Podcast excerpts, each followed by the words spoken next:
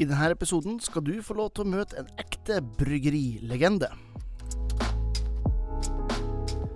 Hallo, ølgærninger, og velkommen til Ølprat-podkasten som leverer entusiasme og ølkunnskap rett i øret ditt. Og hvis det høres litt ekstra engasjert ut i dag, så er det ikke helt tilfeldig. Fordi dagens gjest har jeg prøvd å få med på podkasten i over to år.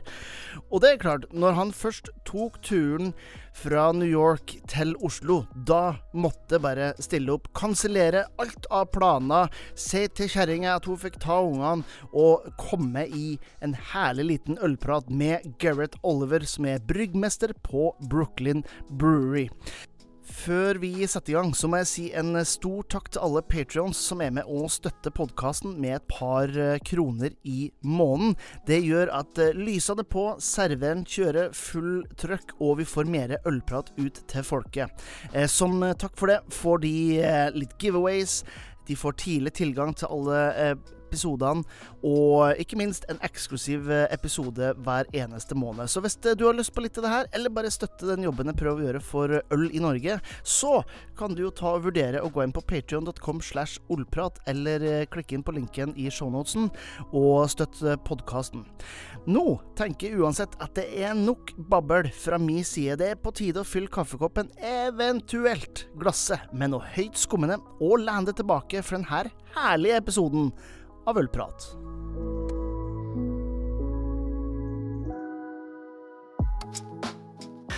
Da ønsker vi velkommen til Ølprat, Garrett Oliver of Brooklyn Brewery. Welcome to the podcast. Takk vel. Yeah.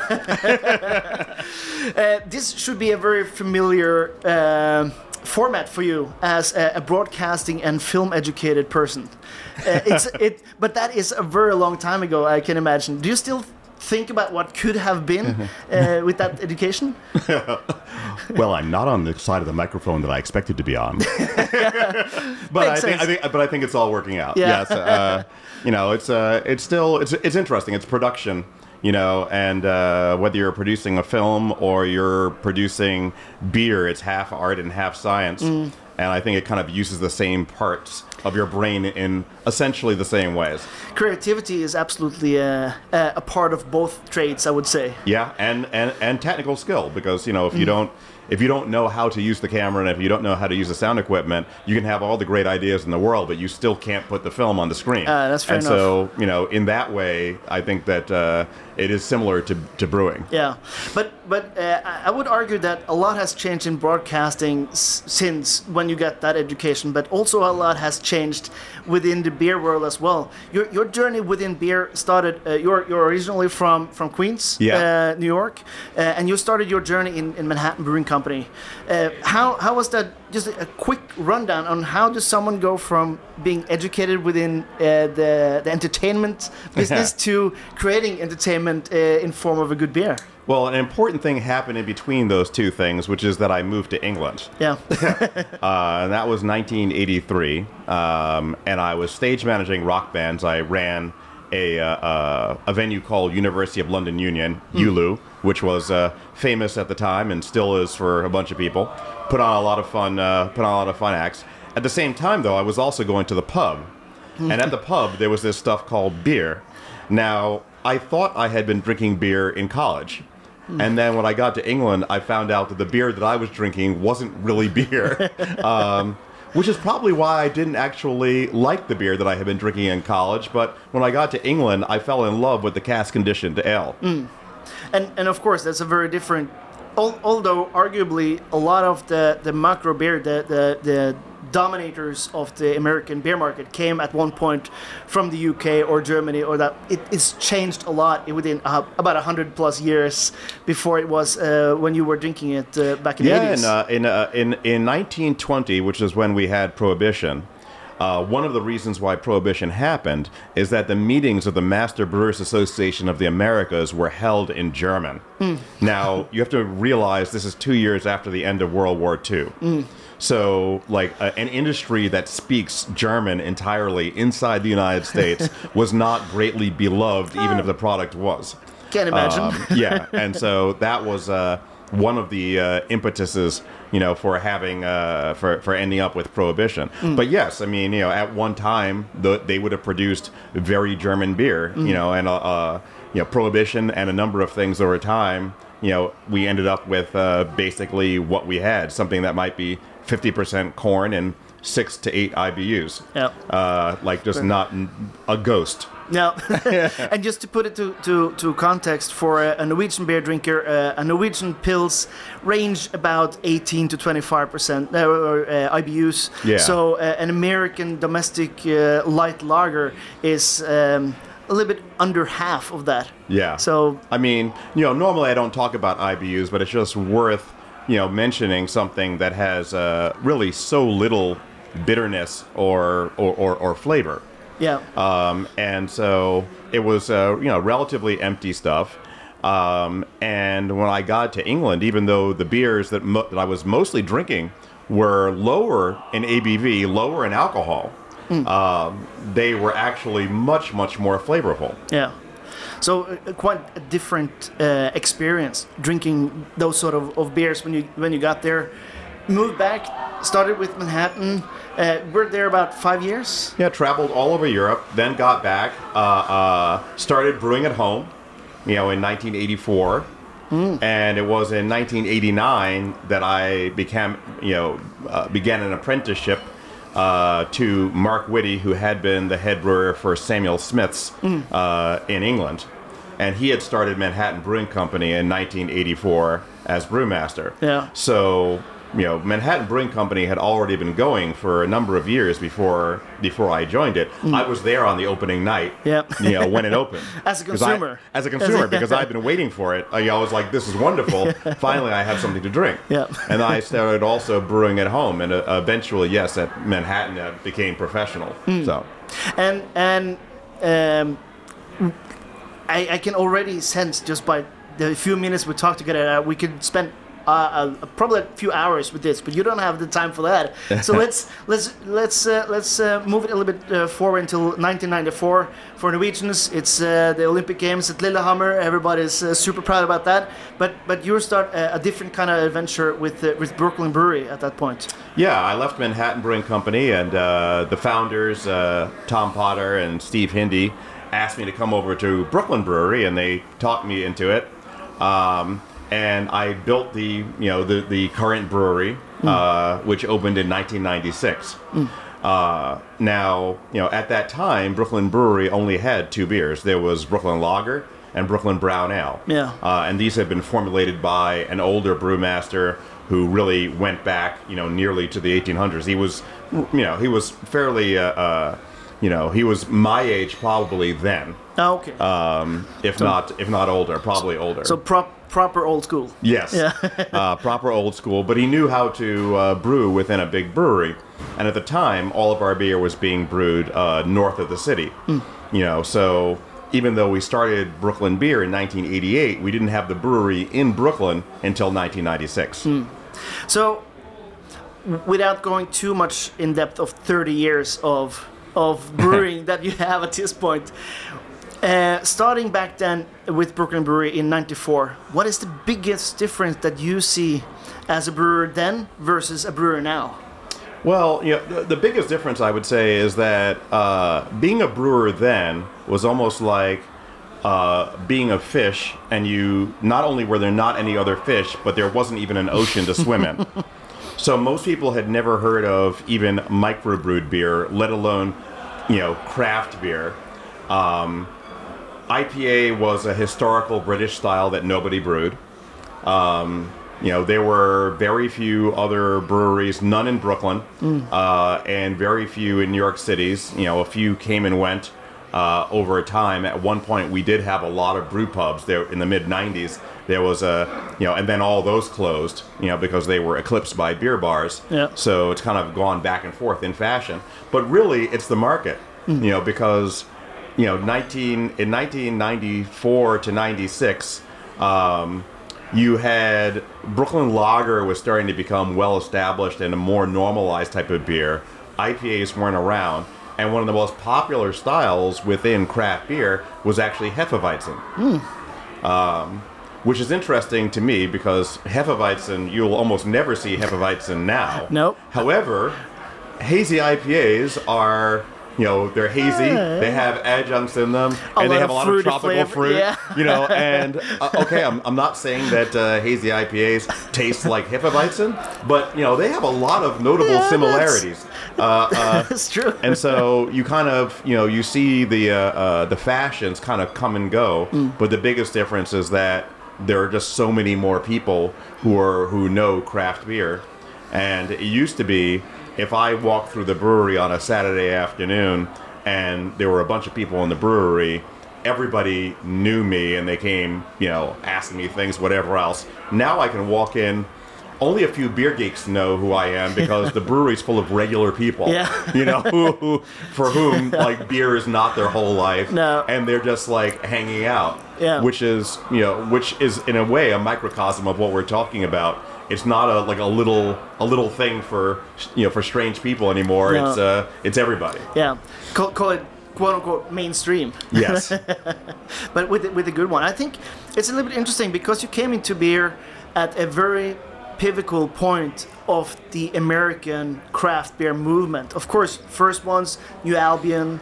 Uh, you got a lot of, uh, uh, of course, uh, there is a, a pretty famous pale ale, a pretty famous steam beer at this point. But everything happened in. in uh, looking back at it, a lot of it happened in the West Coast, and and you started in a time where you said there is no other fish, there's not even a pond to to find inspiration. So so how how did you how did you find inspiration? We looked entirely, uh, really, to the UK and to Germany, and then eventually to Belgium. And so, one of the big differences, you know, for me versus the West Coast, is that I was on the East Coast and I was twice as close to Europe as people from California. Yeah. and because I traveled a lot, uh, I, I went to Europe all the time, sometimes three or four times a year. This sounds like a very strange thing, but in the in the old days, you know, the the air carrier uh, mail people like you know DHL, for example, what they would do is you could be a freelance courier. I'm sure you can't do this anymore, but it was a freelance courier, and so you would fly with uh, with carry-on luggage, and then your luggage berth, say with your ticket came two free bags, those bags would be bags full of mail, Yeah. and then your ticket would be free. Uh huh. So because you were just the body, you know, who was attached to Ca- carrying two- whatever needed to go and, somewhere. And I didn't physically have to carry it. It's just like it was checked in as my luggage, and then at the other end, they would look in it, make sure it wasn't full of drugs or something, and then like let me go. and so I would fly, you know, because I had my own schedule. They would, uh, you know, I would fly wherever I wanted almost all the time, and as a result, I might be in England four times a year, and was able to really be very much in touch with that culture. And eventually, I judged the Great British Beer Festival seven times. You know, so yeah, internationally, I, I got to know the beers from around the world really well, and that's where our main inspirations came from. So the inspiration almost came as mailman. Yes. well, you know, I think that it's something that uh, a lot of the younger brewers would, you know, do well to think about because, you know, we have, um, we can talk about it a bit later, but I mean, we have a bit of a monoculture coming back uh, where people are kind of self-referencing. They, you don't see that many foreign beers in the United States anymore. It's all American beer, and I don't think it's very healthy for the industry because they don't really know even the bases of where you know all these things come from. I mean, you can make some nice beer, but if you have no idea about like the rest of the world or or whatever else, you're going to miss out. It's just a copy of a copy of a copy. Yeah, exactly. And this this brings me to to one of your uh, many side adventures, uh, which is uh, uh, as an author, because um, uh, you have two very notable. I wouldn't. Uh, it's maybe a little bit uh, exaggerating calling it game-changing books, but at least very, very impactful books, with the Oxford Companion to Beer, and of course the Brewmaster's Table, and uh, especially as a, a, a beer and food lover myself, the, the Brewmaster's Table was something was I won't say unheard of, but you went uh, and approached marketing in a different way. with uh, including uh, not only collaboration with breweries, which at that point was pretty innovative, uh, which is now a stable, is the way of, of life for many Yeah, Uh, hype breweries, but uh, going towards the, the kitchen, how, where did your love for for food come into this whole thing? Well, I mean, given It couldn't be in. England. Well, no, at the time it certainly was not. You know, uh, the, the British are making some nice food now, but ba- back in the '80s, that was definitely not the case. A lot of gravy. Uh, uh, you know, there was a lot of gravy, and if you ate Indian food, it was great, but that was about it. Uh, no, I mean, it was traveling throughout Europe. The fact that my father was also uh, a very serious cook at home and taught me how to cook at a relatively young age, so you know, I had some skills. Um, you know, even when I got to college, I knew how to make sauces and things like that, and that was, uh, you know, really meaningful to me. But I also just watched, you know, who got the respect. Uh, well, the wine people got the respect, and at the time, you had the rise of the food networks and you know the the, the, the modern cooking shows and everything else. And I saw that the chefs and the food got the respect. So I thought if I put the you know the beer together with the food, some of the basically the respect that the food gets will shine basically upon the beer, especially if I can show people that you know t- I can make two plus two equals seven if you just pay a little bit of attention. And so this year is actually the 20th year in print for the Brewmasters table Yeah. which is you know a uh, an unusual mark. There are not that many books at all that are in print, print for 20 years, and almost no beer books No. that I'm aware of. No, that's it's a very uh, uh, come and going uh, kind of uh, uh, category of books for sure. So, so do you have any like first memories of combining um, or first beer and, and food uh, memory? Do you, do you have any of those? Well, yeah, I mean, I, I started doing beer dinners even before you know I came to Brooklyn Brewery, even before I came to Manhattan Brewing Company. Um, when I was running a home brewers guild, you know, we would uh, you know put together uh, beer dinners. You know, I did tastings and all sorts of stuff. But then once we were at the brewery, that became a little bit of a staple for a way to promote the brewery. Um, and so uh, over time, I have hosted over a thousand uh, dinners and, and, and tastings in 17 countries. Yeah. Um, and so put it there. There's no substitute for putting the beer in front of people. And I think now beer dinners became such a staple, you know, of, of, of craft beer that they can be certainly uh, uh, they can be boring, they can be hackneyed, you know, they can also be very good. I mean, last night we had a beer dinner, and the people the people on the cooking team, two of them were the leaders of the Bocuse d'Or team for Norway Yep. and the team for Estonia. Yep. And believe you me, that was uh, that dinner was unbelievable. Yeah, I, I could not attend that dinner, so I would very much appreciate it if you don't say too much about it. It's just going to make me hungry. And uh, so, but but I think there are so many um, similarities between uh, between doing uh, cooking, uh, being a chef, and uh, being a brewmaster. You're both cooking. You're using heat as a way of transforming, uh, hopefully, the best raw materials you can have to have a an expression of your own mind, so to so to speak. And uh, you have uh, in the years you've done a lot of collaborations with different breweries around. You have a, a big collaboration with Carlsberg uh, throughout, and one of them is based here in Norway with uh, uh, Dahls Yeah. up in, in, in Trondheim, where they do fantastic food. Uh, some of your beers, some of the Dahls beers, of course. Um, how how do you work with a bigger uh, a, a bigger player in the sea, a bigger fish in the beer in the beer sea, to create something which is unique and authentic in, in a way that you do with uh, E.C. Dahls? Well, I think within you know one thing that's that's I won't say unique about Carlsberg because you can find people you know in the other big breweries, but you know my first interaction with Carlsberg was in 2003 2004 when I won the Semper Ardens Prize you know in Denmark, uh, and they brought me over and we did a beer dinner.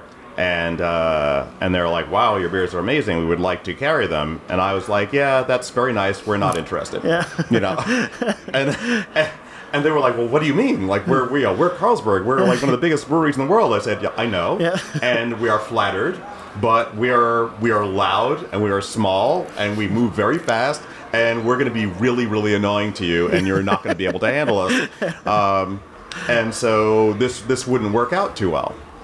But you know, eventually it did.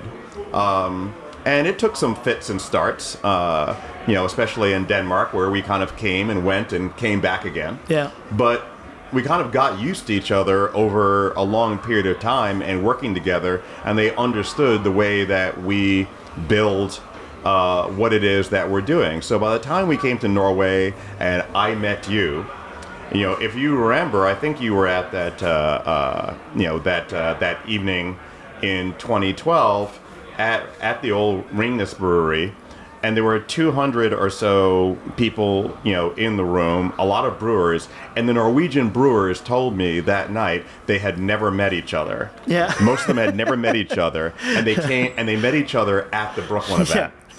and I think that that is a perfect microcosm of who we are as a brewery. Hmm. You know, we put people together, we make connections. Yeah. You know, I've been here a bunch of times. We're able to talk about uh, uh, the things that we talk about because we spend time actually in the countries and in the culture. Hmm. So I had been to E.C. Dahls uh, when it was the old one, and we weren't Yeah. even talking about like that we might ever be involved somehow here. It was just a place to see Yeah. um, and it was beautiful.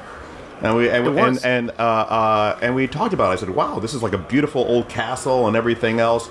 And then weirdly, like three or four years later, I'm working on schematics and plans to rebuild, Create- create something you new, know, yeah. uh, uh, something new there, and then uh, uh, you know, hire the team and, and and and put the whole thing you know together. And so, um, you know, there's kind of a natural flow you know, and we are in 35 countries. You know, we always based a lot of our, you know, our brand and what we do on traveling. You know, our the, the Brooklyn Brewery comes from traveling. You know, and uh, we never stayed home. It was Yeah. always part of what we were about. Yeah, I, th- I find that I find that interesting to see, and of course it's easy to talk about how things were in uh, back in the days, how everything was better. The IPAs were actually bitter uh, and whatnot, but but uh, a lot of a Most lot things is, weren't really better. no that, that fair I mean, like, fair, uh, fair yeah. enough. Some things were better, but least the uh, IPAs was- were really better. Yeah, there was more. There, we did have a point where we had more variety. Yeah, but Th- that is that is very fair. We actually had a uh, uh, a few glasses of, of beer before we, we came here, and uh, looking at the the, the, the list on on draft, um, uh, there was only pilsners, uh, New England IPAs, or anything imperial, and I was I was craving. Just a triple or a blonde, Yeah. something lighter, and uh, yeah, that's that's a podcast for a whole different day, I think. But yeah, don't get me started. Yeah. But but what are some of the things? Because uh, you've been in this game for a, a very very long time, uh, and uh, you're. I can only assume you will be here for a long time more as well. But but what are some of the things you see for for the future? You're you're now here. You're doing something that you've done uh, hundreds of times before. You're going to Svalbard, which I think you have not done before. I have not done that before. No? Trondheim is as far north as I've ever been. Oh, you're then you're going to the proper north uh, when Yeah. you when you pass that. So a little bit of exploration, uh, uh, of course, and then you mentioned something uh, in the terms of exploration. You're, you're going to, to Africa after Svalbard. Yes. Uh, to- I'm going home to change my clothes first, but But but but then it's down there. So so what what is new on the horizon for for someone that has quote unquote seen everything, done everything, brewed every style? What how how do you keep things fresh and interesting and new? well, what's interesting is, uh, you know, a lot of people in the beer world wouldn't know this, but I, I've I've done wine tastings before. Uh, I am uh, a serious aficionado of mezcal. My picture is in cocktail books because I live inside the cocktail world. Most of my friends are in the wine business. I've been drinking natural wine for 20 years, orange wine for 20 years. So when people are talking about natural wine and whatever else, I've been in all of that. Yeah. You know, uh, cider as well. You know, the first time I ever uh, experienced uh, uh, Brettanomyces, for example, uh, was actually in uh, uh, in British Scrumpy. um, Uh, I sit on the board of a, of a company that imports Japanese shochu. So, you know, I have a deep interest in, uh, uh, you know, in, in those sorts of fermentations, koji based fermentations as well. And so all of these things end up in some way, shape, or form, you know, inspiring our beers. Yeah. So you will taste a number of beers tonight that are based essentially upon orange wine. Yeah. You know, where they have skin contact, you know, from uh, pressed off pomace, you know, the leftovers uh, from when you press off wine. You know, some white wines, some wet red wines. We take them fresh from the winery and steep them, you know, steep them, uh, uh, you know, with the beer, and then do bottle re-fermentation. You know, so you end up with something on the border of wine, you know, wine and beer flavors. Now, look at all the work that people are doing, you know, to uh, the whole thing about thiolized yeast. Let's get thiols, and we're going to make a powder. Where do the thiols come from in the powder? They come from grape skins. Yeah. you know, so like I'm actually adding them directly from the grape skins, you know, into the beer, and you get something that really does taste, you know, uh, quite unique, and and so I'm kind of you know exploring the things that I'm interested in So you Um, the inspiration actually comes from outside of brewing outside of and, brewing. and bringing it in. Yeah, you know, because I think you know, I, I'm not saying that you can't be inspired by beers. Um, one of my favorite projects of the last couple of years was uh, we did a beer called Refraction, and uh, Vinnie Cilurzo uh, from Russian River Brewery and I have been talking about doing this beer like literally for 10 years. Yeah. And what we did is he has a coolship, and uh, and so it really took until he built the new brewery and he had the coolship, and what he sent me, you know, 30 hectoliters of coolship wort, which wasn't even starting to ferment yet, but it had been in the coolship overnight, and uh, sent it uh, in a refrigerated uh, uh, train uh, car out to New out to New York, and then we blended it together with 300 hectoliters of new wort, basically the same wort, and put it directly into barrels and barrel fermented it with 100% Sonoma County microflora. so using it like a, a starter. A starter. Yeah. You know, so the starter was Ah. 100% Sonoma County uh, from him. We brewed nine tenths of the beer. He brewed one tenth of the beer, but it was all, you know, his. Uh, and then it was in the barrel for a year, and then re-fermented in the bottle, and Mm. that's refraction. Some of that beer is actually blended into uh, one of the beers that's you know here tonight. Some of it went out uh, in bottles a couple of years ago. So that was a pure beer uh, uh, inspiration, and obviously Lambic is an inspiration for most of us for spontaneous beer. But the new stuff that I'm working on, you know, I'm using a grain called Fonio, you know, which is out of Central Africa. It's one of the main grains that people throughout Central Africa have eaten for 5,000 years. But when colonial powers came in, they stripped away everything. They took people's Yeah. language, they took their clothes, they took the they Ar- took the artifacts. Uh, uh, the artifacts, they took the food, um, and they literally ripped out of the ground what people had been eating for five thousand years. Well, it turns out that fonio requires no inputs. You don't need to till the soil.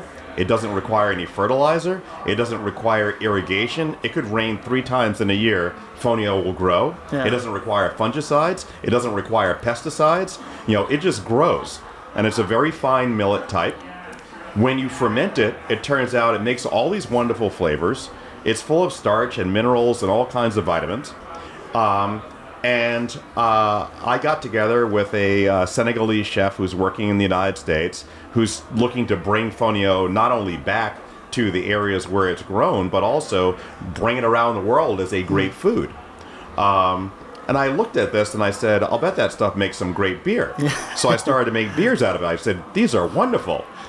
And so now we have three, four projects going. We're making beer with Brewgooder, you know, who are themselves s- sending uh, some of those profits back to build water projects, you know, in uh, uh, in Africa.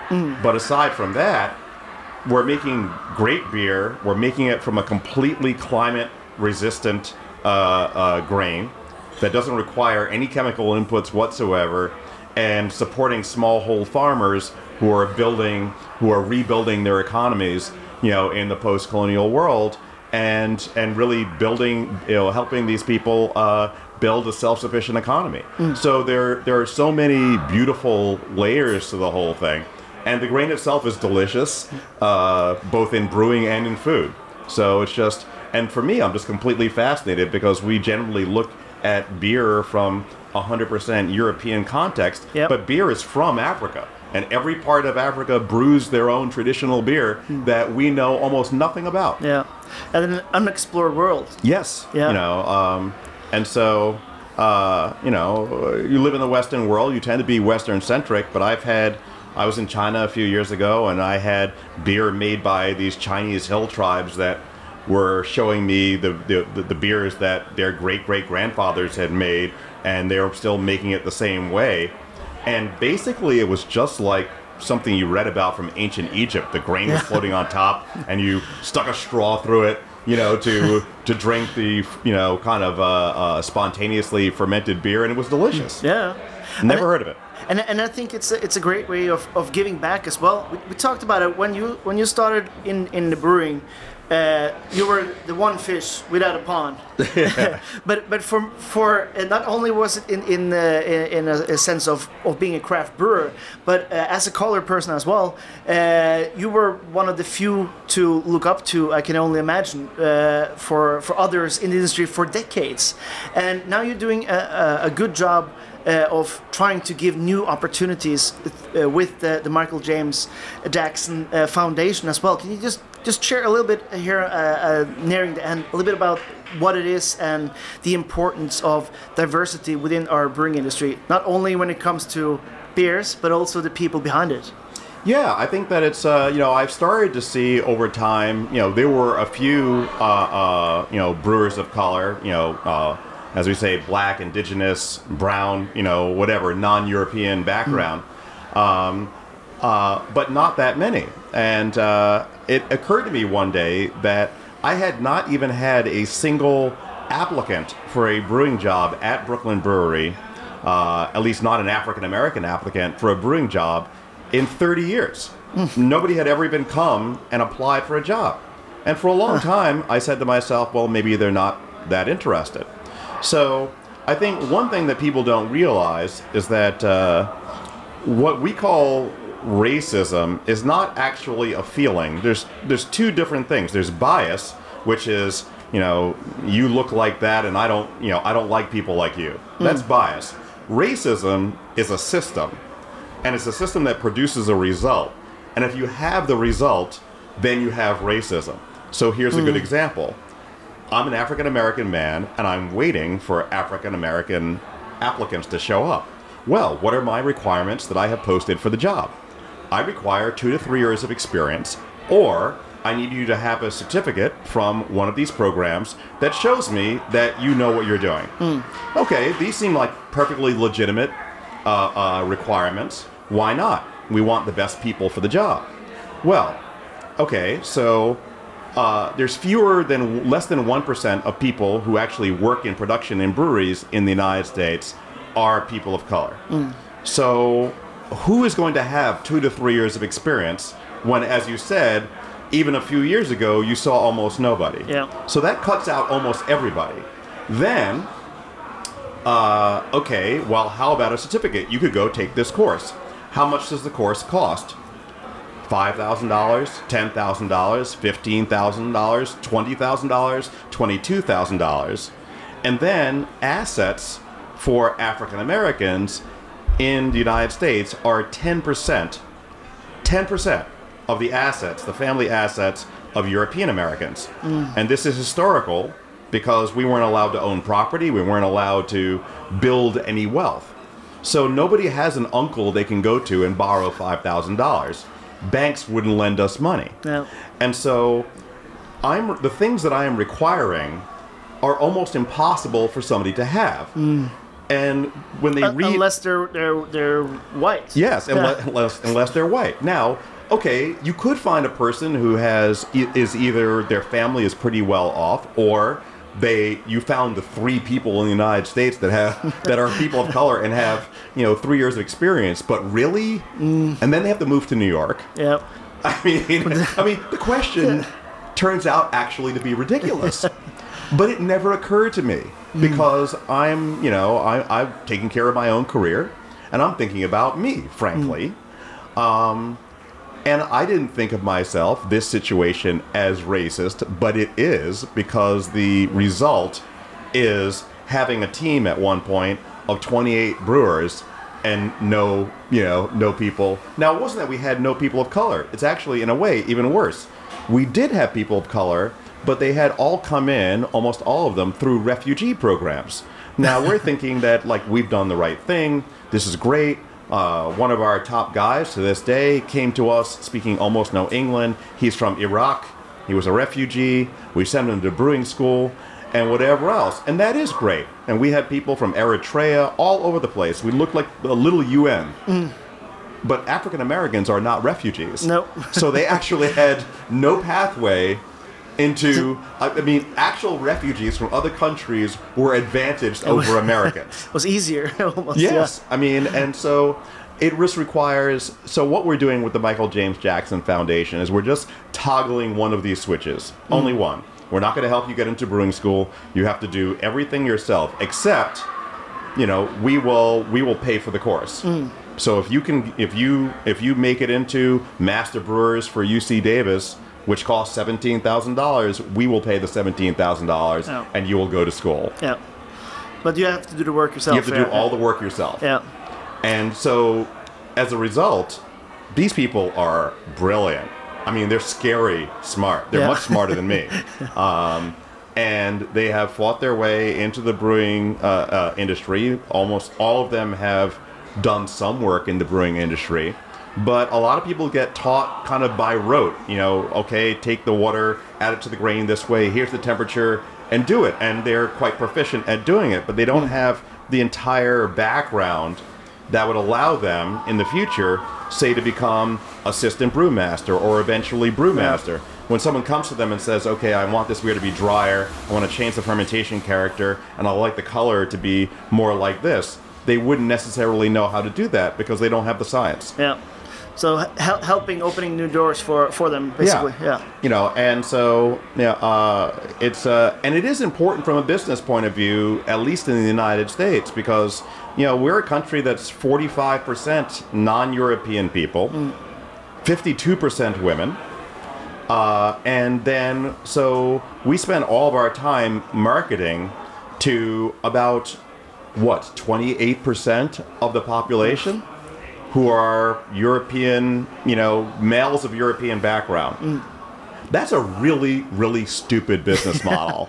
You know, that's like, fair. like That's fair. really, really, really stupid business model. Let's let's cut, you know, almost like seventy percent of the people out of the picture completely, and sell only to thirty percent of the people. Yep. Wow. You know, like, would, do they teach you that in business school?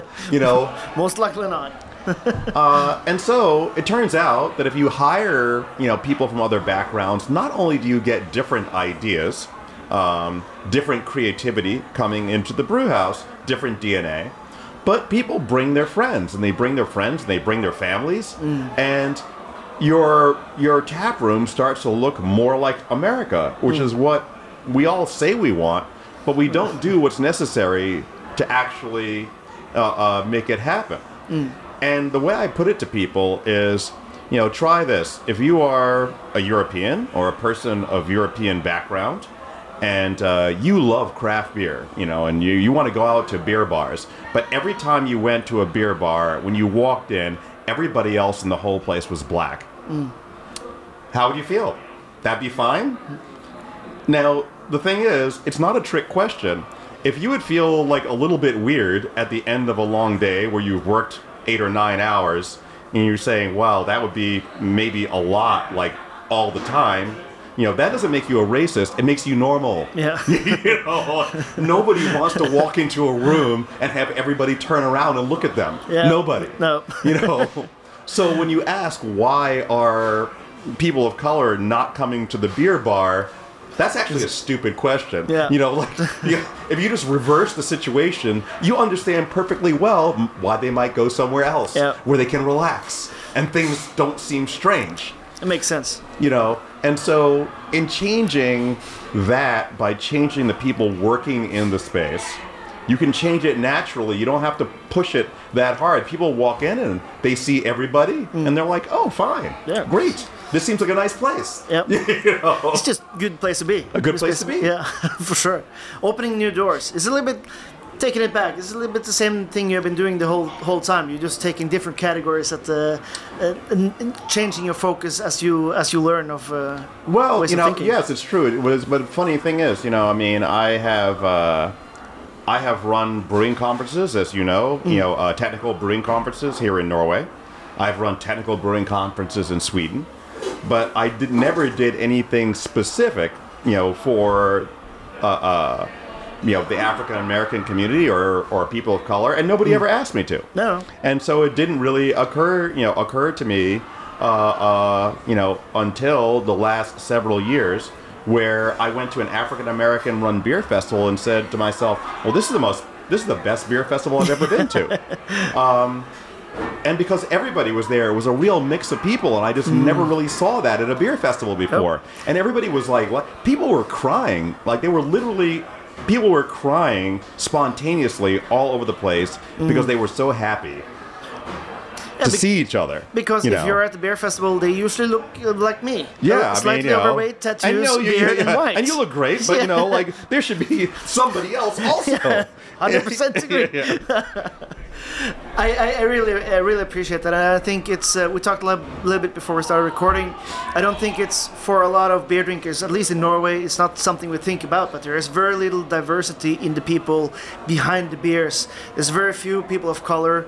Uh, they're actually pretty much everybody looks like I said, a little bit like me. They're, they're white males, and and that's fine. But then we need diversity to get the inspiration to push new boundaries, to get new flavors, to get new people within the space that we're in. It's not just a, uh, it's not just for for people like me. It's Yeah. it should be for everyone. Now, of course, you know, you know, Norway is a country that has a relatively, you know, sm- you know, small number of, uh, you know, people from other countries that you can just like see on the street, and you'll see people who appear to be African or, uh, or whatever else, but it's not nothing.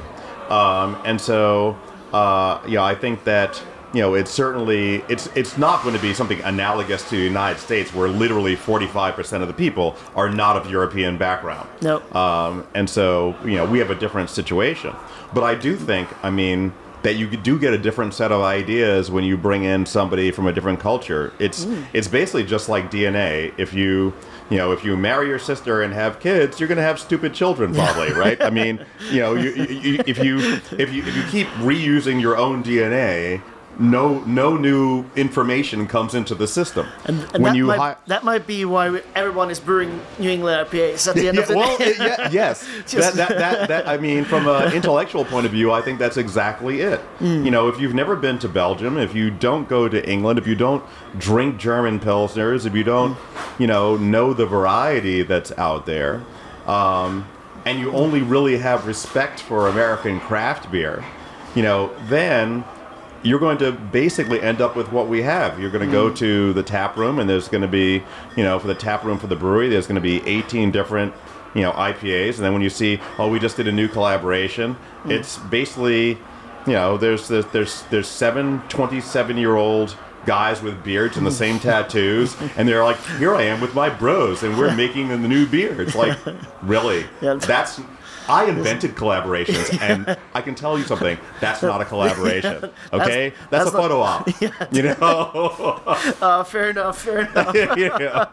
All right, Garrett, I'm not going to take more of your time. Uh, I truly, uh, truly appreciate you taking the time to talk to me. We tried to do this for, for quite some time now, and I'm very happy that I finally get to snag you off for uh, for a few minutes here before you get started with the dinner. Well, nice to see you again. Yeah, likewise. Before I let you go, though, there is always one question I ask every guest I have on, uh, and uh, there's few people I can think that can answer this better than you.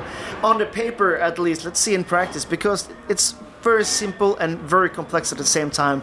Because if you, Garrett, could choose an ideal uh, beer and food combination for yourself right now, what would that be? For myself, right now, Well, of course, you can't choose for someone else because you don't know what they like, so it's got to be for yourself. I actually think I, I, I, I had it last night. All right, then. What was it? and, and it is quite a different answer than I would have thought. Uh, normally, when we do beer dinners, you know, we, we bring Brooklyn Lager, but everybody knows Brooklyn Lager, and it's very common. And you know, uh, it- it's a beer you might drink at a baseball game, and you have it in your fridge at home. But we don't put it in beer dinners because it's not like fireworks. We're we want to show off. It's subtle, right? Yeah. so- well, last night we had it with um, Norwegian, you know, uh, Norwegian Wagyu, bone marrow, and carpaccio with black truffles and Brooklyn Lager, and we were all just like completely floored. Mm. It was really unbelievable. And after this is the 35th year of Brooklyn of, of Brooklyn Lager. This is Brooklyn Lager is 35 years, you know, old this year. I've been brewing it since you know 1994, and I didn't know it could do that. and I, you know, like I would like to see that trick again because I was like, it was unbelievable. Yeah.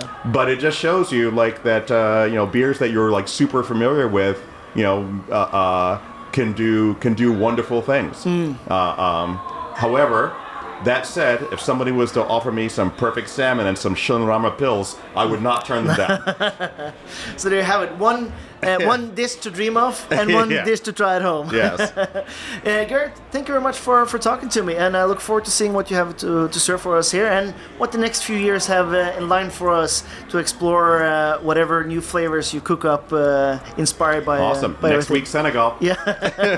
thank you very much for the talk. thank you Tusen takk til Gareth for en eh, god ølprat, og ikke minst tusen takk til det som hørte på.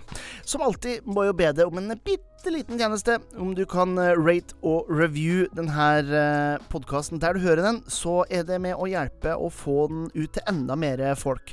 Og hvis du ikke har muligheten til det, ja, så tenker jeg at det å prate om eh, denne episoden her med en eh, god kompis, god venninne, en kollega, en tante, en onkel, postmann eller hvem det måtte være, så må jo de ha hørt episoden, så de kan diskutere den sammen med det.